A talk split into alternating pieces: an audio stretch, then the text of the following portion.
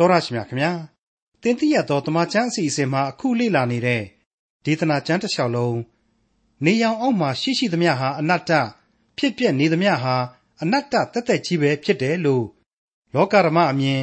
သူ့အမြင်သူ့အတွေးနဲ့သူ့ရဲ့ဒသနာတွေသူ့ရဲ့အဘိဓမ္မာတွေကိုထုတ်ပြန်ခဲ့တဲ့ဒေသနာဆရာရှောလမုန်မင်းကြီးဟာဒီကနေ့တင်ပြရသောတမချန်းအစီအစဉ်မှာလေ့လာမှာဖြစ်တဲ့ခရိယန်တမချန်းရဲ့ဓမ္မဟောင်းကျမ်းပိုင်းတွေက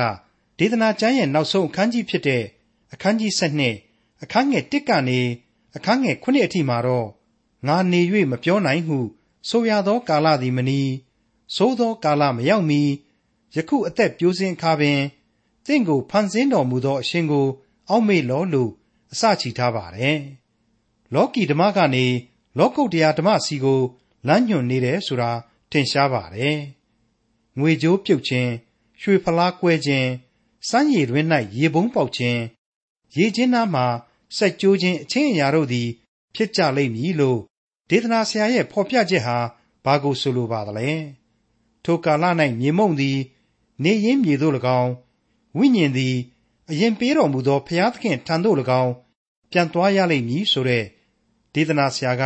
သူ့ရဲ့လောကုတ်တရားဓမ္မအမြင်ကိုထက်သွင်းဖော်ပြထားချက်ပါဝင်တဲ့ဒေသနာကျမ်းရဲ့နောက်ဆုံးအခန်းကြီးဖြစ်တဲ့အခန်းကြီး7 အခန်းငယ်1ကနေအခန်းငယ်9အထိကို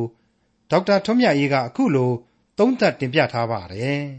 ။တင်ပြရသောတမန်ကျမ်းရဲ့မိတ်ဆွေတော်တတ်ရှင်အပေါင်းတို့ခမညာဒီကနေ့အဖို့စတင်ဝင်ရောက်လာတဲ့နှုတ်ကပတ်တော်သင်ခန်းစာကတော့ဒေသနာကျမ်းအခန်းကြီး7ပဲဖြစ်ပါတယ်။ဒီကျမ်းဟာရှောလမုန်မင်းကြီးစီရင်ရေးသားထားတဲ့ဒေသနာကျမ်းအခန်းကြီးတွေတဲကနောက်ဆုံးသောအခန်းကြီးပဲဖြစ်ပါတယ်။ဒါကြောင့်မလို့ကျွန်တော်တို့အထူးအာယုံစိုက်ပြီးတော့လေ့လာရမယ့်ကျမ်းကြီးလို့ကျွန်တော်ဆိုချင်ပါတယ်။ ကျွန်တော်တို့သိပြီးဖြစ်တဲ့အတိုင်းပဲဒီဒေသနာကျမ်းကိုရေးသားနေတဲ့ရှောလမုန်မင်းကြီးဟာသူ့ဖြစ်နေသူ့အချိန်အခါမှာတော့သူဟာအင်မတန်ထက်မြက်စွာနားလေကျွမ်းကျင်တဲ့သိပ္ပံအတတ်ပညာတွေကိုကျွမ်းကျင်ခဲ့တယ်။ပြီးတဲ့နောက်သူကျွမ်းကျင်တဲ့သိပ္ပံအတတ်ပညာတွေသူ့မှာရှိတဲ့ဒနာအင်အားတွေသူ့ရဲ့အတွေ့အခေါ်ပေါင်းမြောက်များစွာနဲ့ဘဝတစ္ဆာတရားရှာပုံတော်ကိုဖွင့်တယ်။အဲ့ဒီခါမှာတော့နေအောင်အောက်မှာတော့အရာရာဟာအနတ္တဆိုတဲ့အဖြေကိုပဲသူဟာရရှိလာခဲ့ပါလေ။အဲ့ဒါနဲ့ပဲသူဟာသူ့ရဲ့အုံနောက်ကအဘိဓမ္မာတွေ ဒသနအတွေးအခေါ်တွေနဲ့လေ့လာပြီးတော့လောကသစ္စာကိုရှာတယ်ဘာမှမထူးဘူးအရာရာဟာအနတ္တကြီးပဲဒါနဲ့ပဲကံကံဤအကျိုးအတိုင်းပဲလူဘဝဟာဖြစ်မှာပါကွာဆိုတဲ့ကံကိုပုံချတဲ့နီးဗျူဟာနဲ့ဆက်လက်ပြီးတော့အဖြေရှာပြန်တယ်မကျေနပ်ပြန်တော့သူ့ရဲ့စည်းစိမ်ဥစ္စာတွေနဲ့ဒနတတ္တိတွေနဲ့အဖြေတွေကိုဆက်လက်ရှာဖွေပြန်တယ်ဘာမှမထူးပြန်ဘူးအကုန်လုံးဟာအနတ္တကြီးပဲ အဲ့ဒါနဲ့ပဲနောက်ပိုင်းမှာဘာသာရေးထုံတန်းစင်လာတွေနဲ့ဆက်လက်ပြီးတော့ကြိုးစားပြန်တော့လေအရာမရောက်ခဲ့ပြန်ဘူးဆိုတာကိုကျွန်တော်တို့တွေ့ရပါတယ်ဒါနဲ့ပဲနောက်ဆုံးမှာတော့ကောင်းတာလုပ်ရင်ကောင်းတာဖြစ်မှာပါလေဖြစ်သမျှအကြောင်းဟာအကောင်းကြီးပါပဲဆိုတဲ့ moralism သို့မဟုတ်ကိုကျင့်တရားဝါဒီကြီးအဖြစ်နဲ့ပဲစခန်းဆက်လာလိုက်တာဟာဒီအနတ္တတရားကလွဲပြီးတော့ဘာဆိုဘာမှနေအောင်အောက်မှာထွန်းထွန်းကားကားမတွေ့ရပဲရှိနေတယ်လို့ကျွန်တော်တို့တွေ့ရပါတယ် ဘယ်လိုပဲဖြစ်ဖြစ်အခန်းကြီး9ရဲ့နောက်ပိုင်းကစပြီးတော့အနတ္တတရားအတွင်းကပဲဘုရားသခင်ကိုကြောက်ရွံ့ယူသေးဖို့လိုတယ်ဆိုတဲ့သစ္စာတရားတစ်ခုကိုသူဟာဆက်လက်ဖော်ပြပြီးလာပြန်တာကိုမိษွေတို့ကျွန်တော်တို့သတိပြုမိဖို့လိုပါတယ်ဒါကိုအနီးဆက်ဆုံးကြားခဲ့ရတဲ့ဒေသနာကျမ်းအခန်းကြီး7ရဲ့ဏိဂုံးပိုင်းမှာသူအခုလိုဆိုဖွဲ့ခဲ့ပါတယ်အကယ်စင်စစ်အလင်းသည်ချို၏နေအောင်ချီကိုမြင်၍ပျော်ပါเสียရှိ၏တို့ရတွင် လူသည်အသက်တာရှည်၍အစဉ်ရှင်လန်းတော်လဲမှောင်မိုက်ကာလကိုအောက်မိပါစေ ထိုကာလကြာမြင့်လိမ့်မည်ဖြစ်လက်တန့်သမျှတို့သည်အနတ္တသက်သက်ဖြစ်ကြ၏အချင်းလူပြိုအသက်ပြိုသောအခါပျော်မွေ့လော့အသက်ပြိုစဉ်ကာလတွင်စိတ်ရွှင်လန်းခြင်းရှိလော့ကိုအလိုရှိရာလမ်းနှင့်ကိုညံပြသောလမ်းသို့လိုက်လော့တို့ရတွင်ထိုအမှုအလုံးစုံတို့ကိုဘုရားသခင်စစ်ကြော၍သင်ကိုအပြစ်ပေးတော်မူမည်ဟုအောက်မေ့လော့တို့ဖြစ်၍စိတ်ညှိုးငယ်ခြင်းအကြောင်းနှင့်ကိုဆင်းရဲခြင်းအကြောင်းကိုပယ်ရှားလော့အသက်ငယ်ခြင်းအရာနှင့်အရွယ်ပြူခြင်းအရာသည် အနတ္တဖြစ်၏အဲ့ဒီအချက်ကိုဖော်ပြခဲ့ခြင်းဖြစ်ပါတယ်အနတ္တကမ္ဘာလောကမှာတတ်နိုင်သမျှစိတ်ချမ်းသာအောင်နေကြအရာရာဟာဘုရားသခင်လက်တော်ထဲမှာကြီးရှိနေတာမို့လို့သင့်တယ်လို့နေဘုရားသခင်ကိုတော့သတိရကြပါဆိုတဲ့အလေအလတ်လမ်းစဉ်အင်္ဂလိပ်လိုကတော့ moderate way ပဲလို့ကျွန်တော်တို့ဆိုရမယ်လှေနံနှစ်ဖက်နှင်းအယူအဆကိုသူဟာပြင်ဆင်တင်ပြခဲ့ပါတယ်ဘာပဲဖြစ်ဖြစ်ဘုရားသခင်ကိုဦးစားပေးမှုဆိုတာပါဝင်လာပါတယ်ကဲတင်တော်မူခြင်းကျေးဇူးတော်ဆိုတာကိုပူးတွဲဖော်ပြလာတယ်လို့ကျွန်တော်တို့မြင်ရပါတယ် တနည်းအားဖြင့်ဒါဟာဘုရားသခင်ကိုအကျွင့်မဲ့အားကိုးခိုလှုံခြင်းတဲ့ကောင်းတာလုပ်ရင်ပြီးတာပါပဲမမှန်တာမလုပ်ရင်တော်ပါပြီဆိုတဲ့လူအများစုလက်ခံကြတဲ့သဘောဖြစ်ပါတယ် moderate way ဖြစ်ပါတယ်ဘဘုရားသခင်တဲ့လောကဓမ္မနဲ့အညီကျင့်နိုင်ရင်ကောင်းရာကိုရောက်မှာပဲဆိုတဲ့သဘောတရားလို့လေဆိုခြင်းဆိုလို့ဖြစ်နိုင်ပါလိမ့်မယ်မိတ်ဆွေအပေါင်းတို့ခမညာအခုအချိန်မှာတော့ဒေသနာကျမ်းရဲ့နောက်ဆုံးကျမ်းစာဆောင်ကြီးတစ်ခုဖြစ်တဲ့အခန်းကြီး7ဟာရောက်ရှိလာပါပြီ ဒီကျမ်းကြီးမှာဘာကိုဆက်လက်ဖော်ပြသွားအောင်မယ်ဆိုတာကိုအလေးအနက်ပြုရင်းနဲ့ဆက်လက်နားဆင်ကြည့်ကြပါစို့ဒေသနာကျမ်းအခန်းကြီး7အငယ်1နဲ့2ငါနေ၍မပြောနိုင်ဟုဆိုရသောကာလသည်မနီးသို့သောကာလမရောက်မီယခုအသက်ပြိုစဉ်အခါပင်သင်ကိုဖန်ဆင်းတော်မူသောအရှင်ကိုအောက်မေ့လော့ငါဘာဆိုဘာမှမပြောတတ်တဲ့သို့သောကာလစီကိုမရောက်မီ ပြစ္ဆုတ်ပံဒီဟုသောကာလမှားပင်လျင်အရွယ်ရှိစဉ်မှားပင်လျင်ဘုရားသခင်ကိုအောက်မေ့ကြပါတဲ့ဟုတ်ပါတယ်ပြီးခဲ့တဲ့အခန်းကြီး7မှာတုန်းကအချင်းလူပြိုအသက်ပြိုရွယ်စဉ်မှာပျော်မွေ့ပါစိတ်ရှင်လန်းစွာလည်းနေပါကိုယ်အုံနှောက်ကလေးနဲ့ကိုပျော်ရွှင်သင့်တယ်ထင်ရင်ထင်တယ်လို့နေပါဒါပေမဲ့ဒီပျော်ရွှင်ခွင့်ကိုပေးတော်မူတဲ့ဘုရားသခင်ဟာသင်ရဲ့ပျော်ရွှင်မှုတွေကိုတော့စောင့်ကြည့်နေလိမ့်မယ်အပြစ်လဲပေးပိုင်တယ်ဆိုတာကိုသူဟာဖော်ပြခဲ့တယ်ဆိုတာကိုကျွန်တော်တို့တွေ့ကြရပြီဖြစ်ပါတယ် အခုဆက်လက်ဖော်ပြပေးလိုက်တာကတော့ပြိုရွယ်ခြင်းမှာဘုရားသခင်ကိုအောက်မေ့ပါဆိုတဲ့ထူးခြားသောအချက်တစ်ခုပဲဖြစ်ပါတယ်နေနှင့်အလင်းလနှင့်ကျေတို့သည်ကွယ်၍မိုးရွာပြီးမှအထက်ထက်ရွာရသောကာလမရောက်မီတဲ့အဲ့ဒါဟာဆိုခဲ့တဲ့ဆိုသောကာလသို့မဟုတ်အိုမင်းချင်းအရွယ်သို့မရောက်မီဆိုတဲ့အတိတ်ပဲပါပဲမိတ်ဆွေအပေါင်းတို့ဒီကျမ်းကိုတစ်ခေါက်ပြန်ပြီးတော့နားဆင်ကြည့်ပါငါနေ၍မပြောနိုင်ဟုဆိုရသောကာလသည်မနီးသို့သောကာလမရောက်မီ ယခုအသက်ပြိုစဉ်အခါပင်သင်ကိုဖန်ဆင်းတော်မူသောအရှင်ကိုအောက်မေ့လော့နေနှင့်အလင်းလနှင့်ကျေတို့သည်ကွယ်၍မိုးရွာပြီးမှအထက်ထက်ရွာရသောကာလမရောက်မီအောက်မေ့လော့ဟုတ်ပါတယ်အိုမင်းချင်းတို့မရောက်မီတဲ့ဒီအဓိပ္ပာယ်ပါမိတ်ဆွေအပေါင်းတို့ဘလောက်ပဲကျွန်တော်တို့မိတ်ဆွေတို့ဟာကျမ်းမာနေပါစီနှုတ်ပြိုနေပါစီ16နှစ်18နှစ်အရွယ်ကမြင်ခဲ့တွေ့ခဲ့ရတဲ့လာရောင်ကြေရောင်တို့ရဲ့အရသာကိုလူအိုလူမင်းဘဝမှာမခံစားနိုင်တော့ပါဘူး နေ့ရက်ကာလတို့ဟာအိုမင်းရင်ရောသူတို့အတွက်ငယ်ဘဝလောက်အတိတ်ပဲမရှိနိုင်တော့ဘူးဆိုတာဟာအမှန်ပါပဲဒါဟာဘဝသစ္စာအဲ့ဒီသဘာဝသဘာဝထတရားကြီးကိုဖော်ပြနိုင်တာဟာလေအဲ့ဒီလွန်ခဲ့တဲ့နှစ်ပေါင်း3000လောက်ကအတွေ့အခေါ်အဆင့်အတန်းနဲ့တိုင်းတာလိုက်မယ်ဆိုရင်ရှောလမုန်မင်းရဲ့အတွေ့အခေါ်ဒသနအမြင်နဲ့အဘိဓမ္မာတွေဟာအလွန်ကြီးကျယ်နေတယ်လို့ကျွန်တော်ခံယူနိုင်ပါတယ်ကျွန်တော်တို့မြင်နိုင်ပါတယ်နဲ့နဲတဲ့အတွေ့အခေါ်တွေပါနေတယ်အဖွဲ့အနှဲ့ဟာလင်္ကာယတဖြစ်တယ် ဒါကြောင့်မဟာစာပေအဆင့်အတန်းကကြမ်းကြီးတဆူဆိုတာကိုတော့စာပေသမားတိုင်းဘယ်လို့မှညှင်းနိုင်ပွဲမရှိဘူးလို့လည်းကျွန်တော်အလေးနဲ့ခံယူမိပါတယ်ပြီးခဲ့တဲ့သင်ခန်းစာတွေမှာကျွန်တော်ပြောခဲ့တယ်လို့ပေါ့အဲ့ဒီအခါသမယတုန်းကသာ Nobel Literary Prize တို့ဘာလို့ရှိမယ်ဆိုရင်ရှောလမုန်သေချာပေါက်ရမှာပဲဒေသနာကျမ်းအခန်းကြီး7အငယ်3ထိုကာလ၌အိမ်ဆောင်တို့သည်တုန်လှုပ်၍ခိုင်ခံ့သောသူတို့သည်အားလျော့ကြလိမ့်မည်ဆန်ကျိတ်သောသူတို့သည်နဲသောကြောင့်ရကြလိမ့်မည် ပရင်းပေါက်ဖြင့်ကြည်သောသူတို့သည်အလင်းကွယ်ကြလိမ့်မည်ဒီအပိုင်းကလေးမှာကျွန်တော်စစ်စစ်စဉ်းစားဆင်ခြင်ရင်းနဲ့အနတ္တလူသားရဲ့သဘာဝယိုယွင်းခြင်းအကြောင်းကိုအလေးအနက်တွေးခေါ်မိပါတယ်တွေးတောမိပါတယ်ဟုတ်ပါတယ်အခုကျမ်းဟာနေညိုစပြုနေသောလူသားဤယိုယွင်းဖောက်ပြန်လာသောရုပ်ဘဝကိုလင်္ကာယသမြောက်လှစွာနဲ့အဆင့်အတန်းမြင့်မြင့်ထုံမှန်းလိုက်တာအတွက်ကြောင့်ပါကျွန်တော်အခိုင်အမာယုံကြည်တာရှိပါတယ်အခုဒေသနာကျမ်းအခန်းကြီး7ကိုရေးသားနေတဲ့အချိန်မှာ ရှောလမုန်မင်းကြီးဟာအတော်ကြီးအိုမင်းရင်ရော်နေလိမ့်ပြီ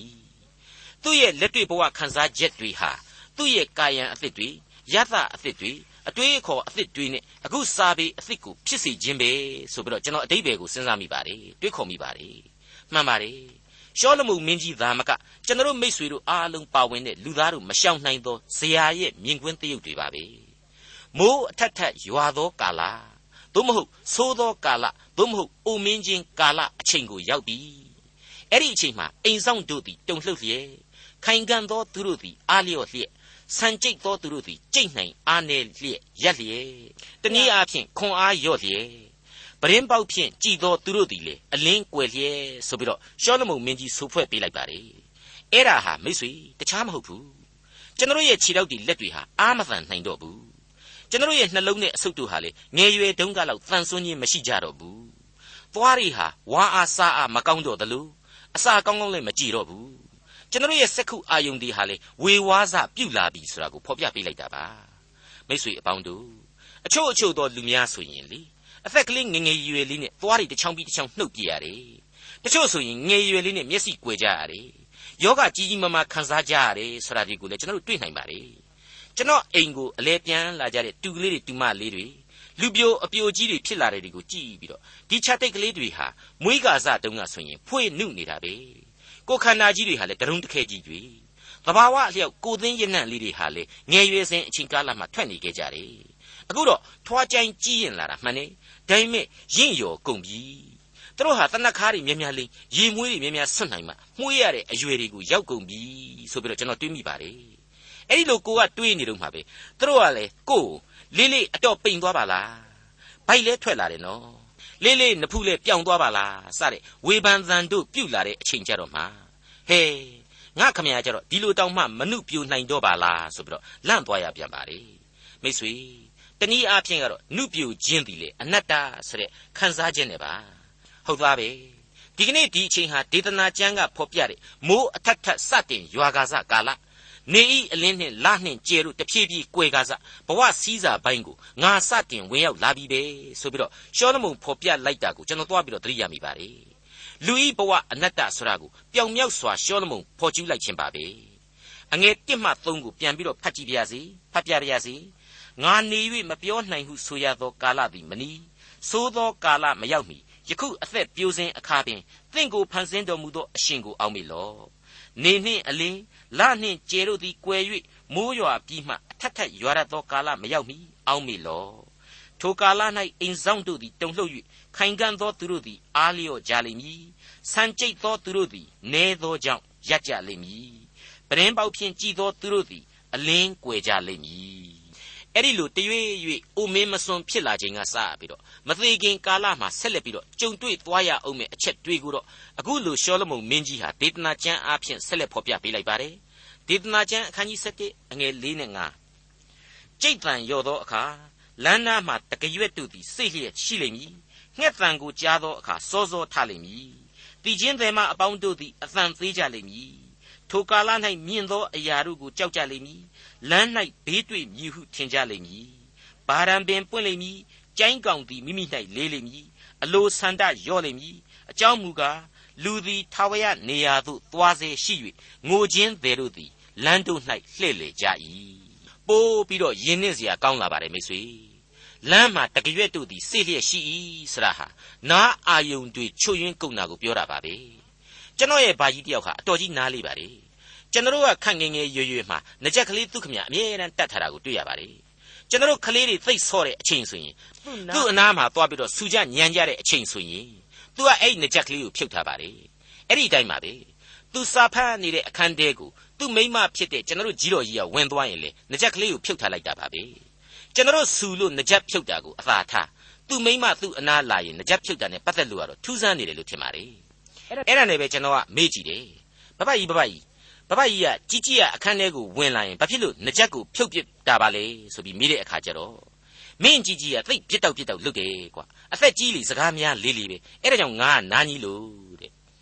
အဲ့ဒီတော့တယောက်သောကြီးတော်ကြီးကအသက်ကြီးလို့တော့စကားတွေအယံများလာတယ်တယောက်သောဘာကြီးကတော့နားပူလေးလာတယ်ဟန်ကြနေတာပဲလို့ကျွန်တော်တွေးခဲ့မိပါတယ်အကုန်လုံးဟာတူပြိုင်ယူယွင်းခြင်းတွေပဲပေါ့ညက်တန်တို့ကိုကြားတဲ့အခါမှာစောစောထလိမ့်မည်တဲ့ရှောလမုန်ကအဲ့တိုင်းဆက်ဖော်ပြလိုက်တယ်အတိတ်ပဲကတော့သိအိတ်လို့မပြောဘူးဆိုတဲ့သဘောပါပဲငငယ်တုန်းကများဆိုရင်မနှဲနှိုးယူခဲ့ရတယ် သွားเสียလာเสียရှိရင်အချက်ပေးနာကြီးကလေးနဘေးမှာချိန်ထားပြီးတော့အိတ်ရတယ်ဟောအခုတော့နန်းနဲ့နှင်းငှက်တို့အသံကြားရတယ်နိုးရတယ်ဆိုပါလားသချင်းတွေမှာအပေါင်းတို့သည်အသံသေးရလိမ့်မည်တဲ့အင်္ဂလိပ်ကတော့ daughters of music shall be brought low ဆိုပြီးတော့ဖော်ပြထားတာတွေ့ရပါတယ်အသံတွေမမြင့်နိုင်ကြတော့ဘူးလေသံတွေမမာနိုင်ကြတော့ဘူးဆိုတဲ့အချက်ကိုဖော်ပြပါတယ်ဟုတ်ပါတယ်တန်ဆုံတီချင်းတွေများရဲ့ကြွာရဝိုင်းကြီးတွေမှာတိတ်အသက်ကြီးသွားပြီဆိုရင်ဝင်မဆိုနိုင်ကြတော့တာများပါလေ အသံမကောင်းတော့တာကြီးပဲမဟုတ်ပါဘူးကိုတဲ့ငယ်တဲ့ကလေးတွေကြားထဲမှာရောင်ချာချာဖြစ်တာကြောင့်လည်းပါဝင်နိုင်ပါတယ်အဖက်ဖက်ကအာယုံခံစားမှုညော့နေလာတာကြောင့်အထွေထွေစိတ်သက်ကြဆင်းမှုတွေကြောင့်လည်းဖြစ်နိုင်ပါလေဒါပေမဲ့ကျွန်တော်တို့ဒီနေရာမှာဆာလံတီချင်းတွေတဲကဒါဝိမင်းကြီးရေးဖွဲ့ခဲ့တဲ့အတိုင်းအသက်ရှိသေးသမျှအသံကိုမြင့်တင်ပြီးတော့အသက်ရှင်နိုင်သမျှအသက်ရှင်သေးသမျှသောကာလပတ်လုံးအတွင်းမှာကျေးဇူးတော်ကိုချီးမွမ်းနိုင်ကြပါစေလို့အားပေးခြင်းပါတယ်148ခုမြောက်သောဆာလံ အငယ်7ကနေ73အတွင်းမှာလောကီရှင်ဘရင်များနှင့်ပြည်သူပြည်သားအပေါင်းမင်းများနှင့်လောကီတရားသူကြီးအပေါင်းလူပြိုနှင့်အပြိုများလူအိုနှင့်လူကလေးများတို့ထာဝရဘုရားကိုချီးမွမ်းကြလော့နာမတော်တပါးသည်သာလျှင်မြတ်၍ဘုံတော်သည်မြေကြီးနှင့်ကောင်းကင်အပေါ်ထက်၌ရှိသောကြောင့်ထာဝရဘုရား၏နာမတော်ကိုချီးမွမ်းကြစေမိမိလူစုတို့၏ဥကြိုကိုချီးမြှင့်တော်မူသဖြင့်အနီးတော်၌ရှိသောလူစု ဣသရေလအမျိုးသားဒီဟုသောမိမိတန်ရှင်းသူအပေါင်းတို့၏ချီးမွမ်းရာဖြစ်တော်မူ၏ဟာလေလုယာတဲ့အဲ့ဒီတိုင်းပါပဲ150ခုမြောက်သောဆာလံမှာကြတော့အခုလိုထပ်မံဖော်ပြထားပါသေးတယ်တန်ရှင်းရာဌာနတော်၌ဘုရားသခင်ကိုချီးမွမ်းကြလော့ဘုံတော်ထင်ရှားရာကောင်းကင်မျက်နှာကျက်ပေါ်မှချီးမွမ်းကြလော့ထူးဆန်းသောတကူတော်များကြောင့်ဘုရားသခင်ကိုချီးမွမ်းကြလော့အလွန်တရာကြီးမြတ်တော်မူခြင်းရှိသည့်အတိုင်းချီးမွမ်းကြလော့တဘိုးမှုတ်လျက်ဘုရားသခင်ကိုချီးမွမ်းကြလော့တယောနှင့်စောင်းကိုတီးလျက်ချီးမွမ်းကြလော့ ပတ်သာတီးလျက်ကခုံလျက်နှင့်ချီးမွမ်းကြလော့ကျိုးနှင့်ပြည့်စုံသောတူရိယာကိုတီးလျက်နှဲခရာကိုမှုတ်လျက်ချီးမွမ်းကြလော့အသံကျဲသောတန်လွင်ကိုတီးလျက်ချီးမွမ်းကြလော့အကြီးဆုံးသောလင်းကွင်းကိုလည်းတီးလျက်ချီးမွမ်းကြလော့အသက်ရှိသောသူအပေါင်းတို့သည်ထာဝရဘုရားကိုချီးမွမ်းကြစေဟာလေလုယာမှန်ပါတယ်မိတ်ဆွေအပေါင်းတို့အဲ့ဒီလိုဒါဝိမင်းကြီးရဲ့ကျေးဇူးတော်ချီးမွမ်းခြင်းအသံတွေဟာမင်းတပါးတဲ့မက တိုင်းပြည်တပြည်တဲ့မကလူမျိုးနွယ်တစုတဲ့မကစัจ java လာအနန္တနဲ့ဆိုင်နေပြီဆိုတာရှင်းနေပြီမဟုတ်လားကျွန်တော်တို့လူလောကတစ်ခုလုံးနဲ့သက်ဆိုင်နေပါ रे အသက်ရှိသောသူဆိုတဲ့အရွယ်သုံးပါးမရွေလူသားတို့နဲ့ဆိုင်ပါ रे ရုပ်ဘဝဘလောက်အထိယိုယွင်းသည်ပဲဖြစ်ပါစေအားလျော့သည်ပဲဖြစ်ဖြစ်ကုန်ခန်းနေသည်ပဲဖြစ်ဖြစ်အသက်ရှိနေသေးတယ်ဆိုရင်ငွေ့ငွေလေးပဲဖြစ်ဖြစ်ကျေးဇူးတော်ဆိုတာကတော့အနတ္တသက်တမ်းတဲ့ကြော်ပြီးတော့တည်နေတယ် အနန္တကာလနဲ့ဆိုင်နေတယ်ဒါကြောင့်မလို့ကျေးဇူးတော်ကိုကျွန်တော်တို့ချီးမွမ်းရမယ်ဆိုတာကိုမသိမချင်းကျေးဇူးတော်ကိုချီးမွမ်းထောမနာပြုကြရမယ်ဆိုတာကိုသတိပေးလျက်ရှိနေပါ रे မိတ်ဆွေအသံမထွက်နိုင်တော့ကိုဘာဖြစ်သေးလဲနှလုံးသားနဲ့ချီးမွမ်းနိုင်တယ်ဆိုတာကိုကျွန်တော်တို့နားလည်နိုင်တယ်မဟုတ်ဘူးလားကျွန်တော်တို့နဘေးနဘီမှာဘာတူရိယာမှမရှိဘူးကိုရတဲ့သီချင်းလည်းမရှိဘူးဆိုပါစို့ကိစ္စမရှိပါဘူးကျွန်တော်တို့ဟာအခန်းထဲမှာပဲညီသက်စွာနဲ့ကျေးဇူးတော်ကိုမချီးမွမ်းနိုင်ဘူးလားချီးမွမ်းနိုင်ပါ रे ဒေသနာကျမ်းအခန်းကြီး7အငယ်9ကိုဆက်ကြည့်ပါထိုကာလ၌မြင့်သောအရာတို့ကိုကြောက်ကြလိမ့်မည်လမ်း၌ဘေးတွေ့မည်ဟုထင်ကြလိမ့်မည်ဘာရန်ပင်ပွင့်လိမ့်မည်ကျိုင်းကောင်သည်မိမိ၌လေးလိမ့်မည်အလိုဆန္ဒလျော့လိမ့်မည်အကြောင်းမူကားလူသည်ထာဝရနေရာသို့သွားစေရှိ၍ငိုခြင်းသည်တို့သည်လည်းလမ်းတို့၌လှည့်လေကြ၏ရုပ်ခန္ဓာအပြင်စိတ်ပိုင်းဆိုင်ရာဝေဒနာတွေပါအပို့ပါဝင်လာပြီဒါဟာယိုယွင်းခြင်းရဲ့ပြည်ပြင်းလှတဲ့သဘောပဲ ဒါကြောင့်ပိုးပို့ပြီးတော့ယဉ်နှင်းစရာကောင်းလာတယ်လို့ကျွန်တော်ဆိုခဲ့ခြင်းပါအသက်တာရဲ့ခရီးလမ်းမှာပါစိုးရင်ကြောင်ကြမှုတွေဟာမှုလိုပေါက်လာတယ်ဆိုတာကိုဖော်ပြပါတယ်တိုက်မြင့်ကိုတက်ရမှာမောပန်တယ်လို့တိုက်သိမ့်မြင့်တာကိုကြည့်ပြီးတော့လေငရင်များလှုပ်ရင်ပြိုကျလာအောင်မှာလားဆိုပြီးတော့စိုးရင်တယ်ကုန်းကမူကလေးသေးသေးကလေးတစ်ခုကိုတောင်မှဖြတ်မလျှောက်ဝွန့်တယ်လို့အားရရုပ်လာရတယ် အရာရာမှာဘဝတစ်လျှောက်လုံးကရရှိလာတဲ့အသည့်တွေကပိုကဲလာပြန်တော့စိုးရင်ပူပန်ခြင်းတွေဟာလေအလိုလိုလွန်ကဲလာရတယ်လို့သတ်မှတ်မယ်ဆိုရင်လည်းဖြစ်နိုင်လိမ့်မယ်ကျွန်တော်ထင်ပါတယ်ဘာရန်ပင်ပွင့်လိမ့်မည်ဆိုတာကတော့တကောင်းလုံးဖွေးဖွေးလှုပ်အောင်ဖြူလိမ့်မယ်ဒါမှမဟုတ်ရင်လည်းသပင်တွေအရန်ပြောင်ပြီးတော့အရန်အိုစာသွားလိမ့်မယ်ဆိုတာကိုတင်စားလိုက်တာပါပဲကျိုင်းကောင်သည်မိမိ၌လေးလိမ့်မည်ဆိုတာကကောအလွန်အလွန်သိငယ်လှပါတယ်ဆိုတဲ့မြဲကြားကနှံကောင်ကလေးတွေဟာတောင်မှ ကိုယ့်အတွက်သိကြောက်เสียဖြစ်လာရလိမ့်မယ်ဆိုတာကိုဖော်ကျူးတာပါအတိတ်တရားအလင်္ကာလို့ကျွန်တော်ဆိုချင်ပါတယ်အခုကျိုင်းကောင်ကို grasshopper လို့ဆိုထားပါတယ်ဒါကြောင့်နှံကောင်ရဲ့သဘောပဲဖြစ်ပါတယ်ဓမ္မရာဇဝင်သမိုင်းကတောလေယာကျမ်းအခန်းကြီး73အငယ်26ကနေ33အတွင်းမှာပြန်ကြည့်မယ်ဆိုရင်ဘုရားသခင်ကနေပြီးတော့မင်းတို့ခါနန်ကိုဝင်ပြီးတော့တိုက်ယူကြဆိုတာကိုဣသရေလလူမျိုးတော်ဟာချက်ချင်းဘုရားသခင်အမိန့်တော်ကိုမနာခံမဲနဲ့ခါနန်သားတွေကိုတချို့တွေလှုပ်ပြီးတော့စုံစမ်းခဲ့တယ်ပြင်စမန်တပ်သားတချို့တွေပေါ့ အဲ့ဒါတွေကိုလှုပ်ပြီးတော့စုံစမ်းခဲ့တယ်အဲ့ဒီအချိန်မှာတော့ခါနန်သားတွေဟာအလွန်ထွားကြိုင်းနေတာကိုတွေ့ပြီးတော့ကြောက်လန့်ပြီးတော့သူတို့ဟာအလွန်ထွားကြိုင်းပြီးသူတို့ရှေ့မှာကျွန်တော်တို့ကတော့နှံကောင်ကလေးတွေလိုပဲဖြစ်နေပါတယ်ခင်ဗျာတနည်းအားဖြင့်ပြောရမယ်ဆိုရင်တော့ကျွန်တော်တို့ကြောက်တယ်ခင်ဗျမတိုက်ဝွန့်ပါဘူးခင်ဗျာ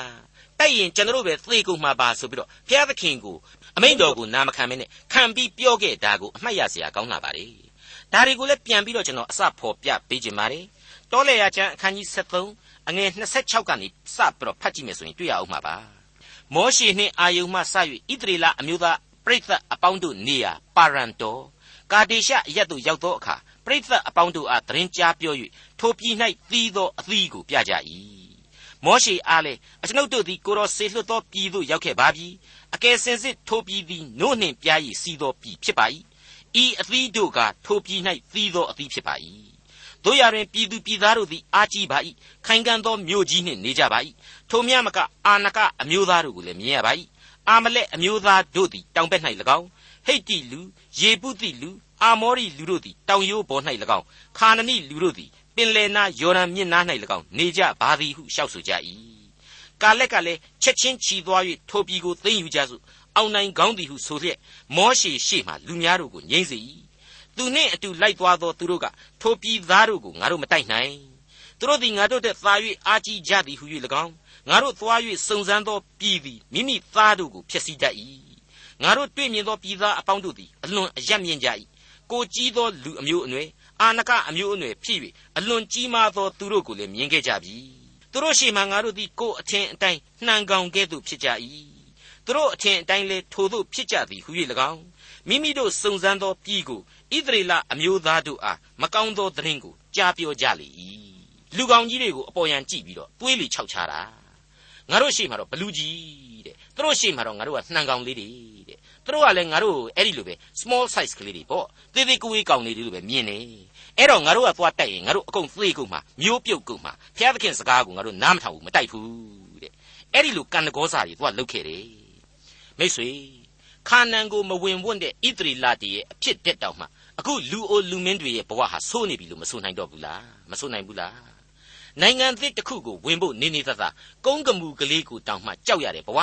နှံကောင်ကိုတောင်မှပြန်ပြီးကြောက်ရတဲ့ဘဝဆိုတာကိုတွေ့ရပြီမိတ်ဆွေတော်တတ်ရှင်အပေါင်းတို့လူဘဝရဲ့အစမှသည်အဆုံးတိုင်အောင်ကြားရမြင်ရဒါတွေကတော့အဲ့ဒီလူဘဝအမြင်တစ်ခုတည်းနဲ့သာကြည်သေတနေ့မွေးတနေ့ပေါက်တဲ့နဖူးမထုဘူးဖြစ်ချိန်တန်ဖြစ်ပြက်ချိန်တန်ပြက်ဆိုတဲ့သဘောတရုပ်ကိုသာတွေ့ရလိမ့်မယ် လူဤဘဝရခဲ့လားလို့တစ်ဖက်ကဆိုရင်းနဲ့မြင်မြင်သမျှအနတ္တဆိုတဲ့စိတ်အားလျော့စရာအဖြစ်တွေးကိုသာအခုလိုတွေ့ကြုံခံစားကြရမှာအကံမလွဲပါပဲအလိုဆန္ဒလျော့လိမ့်မည်ဆိုတာကတော့အသွေးအသားဆန္ဒရမဲ့များဟာလေအလိုလိုချုပ်ငိမ့်သွားရတယ်စိတ်ကုံသွားရတယ်ဆိုတဲ့သဘောပါပဲမိတ်ဆွေအပေါင်းတို့ကျွန်တော်ကြိုက်ကြိုက်မကြိုက်ကြိုက်အဲ့ဒီဇရာရဲ့လက္ခဏာတွေဟာကျွန်တော်ကိုစောင့်ကြည့်နေကြတာကတော့အမှန်ပဲတခုတော့ရှိပါတယ်နော်ကျွန်တော်စောစောတုန်းကပြောခဲ့တဲ့အတိုင်း တချို့တချို့အဖို့စောစောစီးစီးရင်ဆိုင်ကြရတယ်တချို့တချို့အဖို့ကျတော့အသက်ပိုရှည်ပြီးတော့နောက်ကျပြီးမှရင်ဆိုင်ကြရတယ်ရင်ဆိုင်ရတဲ့နေရာမှာတော့မတူကြဘူးပေါ့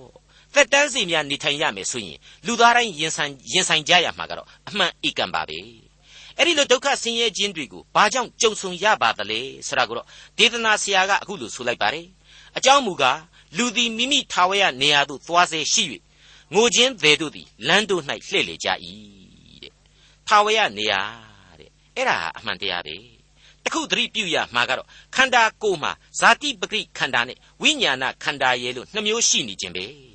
အဲ့ဒီထဲကခန္ဓာကိုယ်ရဲ့အသွေးအသားအယိုးတို့ဟာမြေမှုန့်ကလာတယ်ဒါကြောင့်မလို့ထာဝရနေရာအရက်ဖြစ်တဲ့မြေမှုန့်ဟာမြေကိုပြန်ပြီးသွားကြရလိမ့်မယ်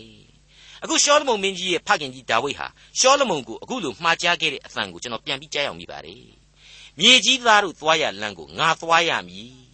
တို့ဖြစ်၍ငါသားအာယူလော့ယောက်ျားဤဂုံတတ္တိကိုရှိလော့တဲ့ယင်းနှင့်ဘွယ်သောသစ္စာတရားပါပဲမြေကြီးသားတို့သွားရလမ်းကိုအဖေသွားနှင့်မယ်သားကြီးမင်းကိုအဖေစိတ်မချဘူးကွာမင်းယောက်ျားပြည်ပြည်သားရှိပါစေအာယူ၍ရဲရင်ခြင်းလည်းရှိပါစေတဲ့အဲ့ဒီလိုမှားကြခဲ့ခြင်းပါပဲအဲ့ဒီလိုသူ့သားတော်မောင်ရှောလမုန်ကိုအာယူ၍ရဲရင်ခြင်းရှိပါစေဆိုပြီးတော့ဒါဝိဒ်မှားခဲ့တာဟာတခြားကြောင့်မဟုတ်ဘူး အဲ့ဒီမြေကြီးသားတို့သွားရလမ်းကိုမင်းဆက်ပြီးရှောက်လှမ်းရမှာမြေပေါ်မှာရှင်သန်သောကာလ၌အာယူပြီးတော့သေဖို့ရန်အတွက်လေရဲရင်ပါဆိုပြီးတော့ရှင်သန်သောကာလအတွက်အာယူသေဖို့ရန်အတွက်ပြင်ဆင်ရဲရင်ဆိုပြီးတော့မှားကြားလိုက်တာပါပဲမိတ်ဆွေအပေါင်းတို့ခမညာကျွန်တော်အားလုံးအတွက်လည်းအဲ့ဒီလိုနောက်ဆုံးအချိန်နာကြီးအတွက်ငိုရမယ်လူတွေငိုမဲ့လူတွေလွတ်ဆွတ်စွာနဲ့နမ်းရှုံမဲ့လူတွေသင်ကြိုပေးမဲ့လူတွေဇာပနာဝတ်ကိုဝိုင်းပြီးတော့ပြုတ်ပေးမဲ့လူတွေဟာစောင့်ဆိုင်နေပါလေ ကျွန်တော်ဘာယောဂာနဲ့သိကြမလဲဘာအကြောင်းကြောင့်သိကြမလဲဘယ်လို့မှအတိအကျမပြောနိုင်ပါဘူးဒါပေမဲ့ဘာအကြောင်းနဲ့ပဲသိသိမလွဲဧကန်ဏိဂုံးကန်းရဲ့အဖြစ်များကိုဒေသနာဆရာဟာအံ့ဩလောက်ဖွယ်ဖော်ပြပေးလိုက်ပါတယ်ဒါတွေဟာနေအောင်အောက်ကအနတ္တလူဘဝကိုထုံမွန်းခြင်းဖြစ်ပါတယ်ဘုရားသခင်ရဲ့ကယ်တင်တော်မူခြင်းကျေးဇူးတော်နဲ့ကျေးဇူးနဲ့မေတ္တာတော်အကြောင်းကိုထည့်သွင်းစဉ်းစားထားတဲ့အချက်တွေမပါဝင်ပါဘူးဒါပေမဲ့မိတ်ဆွေဒီအနတ္တလမ်းဟာဘယ်လို့ပြီးညှင်းနိုင်မှာလဲ ဘယ်လို့ပြီးတော့ကျွန်တော်တို့လွတ်အောင်လဲပြေးနိုင်မှာလဲကျွန်တော်တို့ဟာသေတနေ့မွေးတနေ့ဆိုတဲ့စကားအတိုင်းထာဝရနေရာဖြစ်တဲ့မြေကြီးသားတို့သွားရလမ်းကိုဆက်ဆက်လျှောက်သွားနေကြရပါတယ်မိတ်ဆွေအပေါင်းတို့ဒေသနာကျမ်းအခန်းကြီး7အငယ်6နဲ့9ကိုဆက်လက်နားဆင်ကြကြပါငွေကြိုးပြုတ်ခြင်းရွှေဖလားကွဲခြင်းစမ်းရည်တွင်း၌ရေပုံးပေါက်ခြင်းရေကျင်းနားမှဆက်ကျိုးခြင်းအချင်းအရာတို့သည်ဖြစ်ကြလိမ့်မည်ထိုကာလ၌မြေမှုန့်သည်နေရင်းမြေသို့၎င်း ဝိညာဉ်သည်အရင်ပေးတော်မူသောဘုရားသခင်ထံသို့၎င်းပြန်သွားရလိမ့်မည်အံ့ဩဖို့ကောင်းလိုက်တဲ့ကြံပဲမိတ်ဆွေအပေါင်းတို့ငွေကြိုးပြုတ်တယ်ဆရာဟာပင်မအာယုံကြောတို့ပြုတ်သွားခြင်းပဲအာယုံခံစားမှုတို့လုံးဝနေတိတန်သွားခြင်းပဲရွှေဖလားကွဲခြင်းဆရာဟာအုံနောက်ရဲ့အလုတ်တာဝန်တွေရပ်ဆိုင်ခြင်းပဲအဲ့ဒီတော့အုံနောက်နဲ့အာယုံကြော system ကြီးတစ်ခုလုံးသေသွားပြီဆိုတဲ့ဘာအတိတ်ပဲရှိသေးလေစန့်စန့်ကြီးဖြစ်နေပြီပေါ့ စမ်းရည်တွင်း၌ရေပုံးပေါက်ခြင်းဆရာဟာအဆုတ်ရဲ့အသက်ရှူရပ်တန့်သွားခြင်းဖြစ်ပါတယ်စက်ကြိုးခြင်းဆိုတာကတော့နှလုံးခုန်တန်တို့အပြည့်တိုင်ခြုံငိမ့်ခြင်းကိုဆိုလိုပါတယ်။ဂိုင်းဘာတတ်နိုင်သေးသလဲအနတ္တလူသားတို့အဲ့ဒီအဆင့်မှာရင်လူသားအလုံးဟာခောက်ခနဲ့သေးရပြီ။ဒါဟာသူသေးကိုသေးအကုန်လုံးသေကန်ဒီမှာဖြစ်ကိုဖြစ်ရမယ်ဖြစ်မြဲဓမ္မတာတွေဖြစ်တယ်။အနတ္တလူသားဘဝမို့လို့ဘသူကမှပြေးမလွတ်တဲ့အရာတွေကြီးလည်းဖြစ်ပါတယ်။မိတ်ဆွေတော်တတ်ရှင်အပေါင်းတို့ ငါနေ၍မပြောနိုင်ဟုဆိုရသောကာလသည်မနီသို့သောကာလသို့မရောက်မီယခုအသက်ပြိုစင်အခါပင်သင်ကိုဖန်ဆင်းတော်မူသောအရှင်ကိုအောက်မေ့လော့ဟုတ်ပါတယ်နုပြိုစင်အချိန်ကာလဘုရားသခင်အတွက်အကောင်းဆုံးရှင်သန်နိုင်တဲ့အချိန်ကာလမှာဘုရားသခင်ကိုအောက်မေ့ကြရလိမ့်မယ်ပြီးတဲ့နောက်မှာတော့နေနှင့်အလင်းလနှင့်ကျယ်တို့သည်ကွယ်၍မိုးရွာပြီးမှအထက်ထက်ရွာရသောကာလမရောက်မီအောက်မေ့လော့အိုမင်းရင့်လျော်ခြင်းမရှိခင် ဘုရားသခင်ကိုပို့ပြီးတော့အောက်မေ့ကြပါထိုကာလ၌အိမ်ဆောင်တို့သည်တုန်လှုပ်၍ခိုင်ခံ့သောသူတို့သည်အာရော့ကြလိမ့်မည်ဆံကြိတ်သောသူတို့သည်နဲသောကြောင့်ရပ်ကြလိမ့်မည်ပရင်ပေါက်ဖြင့်ကြည်သောသူတို့သည်အလင်းကွယ်ကြလိမ့်မည်ကြိတ်တန်လျော့သောအခါလမ်းနားမှတကရွက်တို့သည်စိတ်လျက်ရှိလိမ့်မည်ငှက်တန်ကိုကြားသောအခါစောစောထလိမ့်မည်တည်ခြင်းသည်မှအပေါင်းတို့သည်အသံသေးကြလိမ့်မည်ထိုကာလ၌မြင်သောအရာတို့ကိုကြောက်ကြလိမ့်မည်လမ်း၌ဘေးတွေ့မည်ဟုထင်ကြလိမ့်မည် ဘာရန်ပင်ပွင့်လိမ့်မည်ကျိုင်းကောင်သည်မိမိ၌မိမိလေးလိမ့်မည်အလိုဆန္ဒလျော့လိမ့်မည်အကြောင်းမူကားလူသည်ထာဝရနေရာသို့သွားစေရှိ၍ငိုခြင်းသေးတို့သည်လမ်းတို့၌လှည့်လေကြ၏ငွေကြိုးပြုတ်ခြင်းရွှေဖလားကွဲခြင်းစမ်းရည်တွင်း၌ရေပုံးပေါက်ခြင်းရေချင်းနားမှဆက်ကြိုးခြင်းအချင်းအရာတို့သည်ဖြစ်ကြလိမ့်မည်ထိုကာလ၌မြေမှုန့်သည်နေရင်းမြေသို့၎င်းဝိညာဉ်သည်အရင်ပေးတော်မူသောဘုရားသခင်ထံသို့၎င်းပြန်သွားရလိမ့်မည် မိတ်ဆွေအပေါင်းတို့ဘုရားသခင်ရဲ့ကျေးဇူးနဲ့ဂရုနာတော်ဆရာကိုနဘေးချိတ်ထားပြီးတော့နေအောင်အောက်ကလူသားရဲ့မျက်စိအမြင်နဲ့သာကြည့်လိုက်တဲ့အခါမှာအရာရာတို့သည်အနတ္တသဘောပဲဖြစ်တယ်ဆိုတာကိုရှောလမုန်မင်းကြီးဟာမြင်တွေ့ခန်းစားခဲ့ရပြီးပါပြီအခုအချိန်မှာတော့ထိုကာလ၌မြေမှုန့်သည်နေရင်းမြေသို့၎င်းဝိညာဉ်သည်အရင်ပေးတော်မူသောဘုရားသခင်ထံသို့၎င်းပြန်သွားရလိမ့်မည်ဆိုတဲ့အလွန်ပီပြင်တဲ့သူ့အမြင်တစ်ခုကိုရှင်းလင်းပြသစွာဖော်ပြထားပါတယ် ဒါနဲ့ပတ်သက်ပြီးတော့နောက်နေ့အစီအစဉ်မှာဘယ်လိုဆက်လက်ပြီးတော့ရှင်းလင်းဖွင့်ဆိုသွားအောင်မယ်ဆိုတာကိုမိษွေတို့ဆက်လက်နာတော်တာဆင်ကြည့်စေခြင်းပါတယ်အနတ္တသဘာဝလူလောကမှာဘုရားသခင်ရဲ့ကျေးဇူးတော်ကိုချီးမွမ်းခြင်းရှိမယ်ဆိုရင်အနတ္တလူဘဝဟာအ ਨੇ ကတန်ဖိုးရှိသောသာဝရအသက်တာပိုင်ရှင်လူသားတို့ဘဝကိုပြင့်တင်ပေးနိုင်တဲ့အကြောင်းကိုတော့ကျွန်တော်မမှိတ်မသုယုံကြည်ခြင်းမပြတ်ဖဲဝိညာဉ်ခွန်အားပွားများနိုင်ကြပါစေလို့ တင်ပြရသောတမန်ကျမ်းအဖွဲ့မှမေတ္တာပို့သလျက်ရှိနေကြောင်းပါခင်ဗျာဒေါက်တာထွန်းမြတ်ရေးစီစဉ်တင်ဆက်တဲ့တင်ပြရသောတမန်ကျမ်းအစီအစဉ်ဖြစ်ပါတယ်နောက်တစ်ချိန်အစီအစဉ်မှာခရိယန်တမန်ကျမ်းရဲ့ဓမ္မဟောင်းကျမ်းပိုင်းတွေကဒေသနာကျမ်းရဲ့နောက်ဆုံးအခန်းကြီးဖြစ်တဲ့အခန်းကြီး7အခန်းငယ်8ကနေအခန်းငယ်14အထိကိုလေ့လာမှာဖြစ်တဲ့အတွက်စောင့်မျှော်နားဆင်နိုင်ပါတယ်။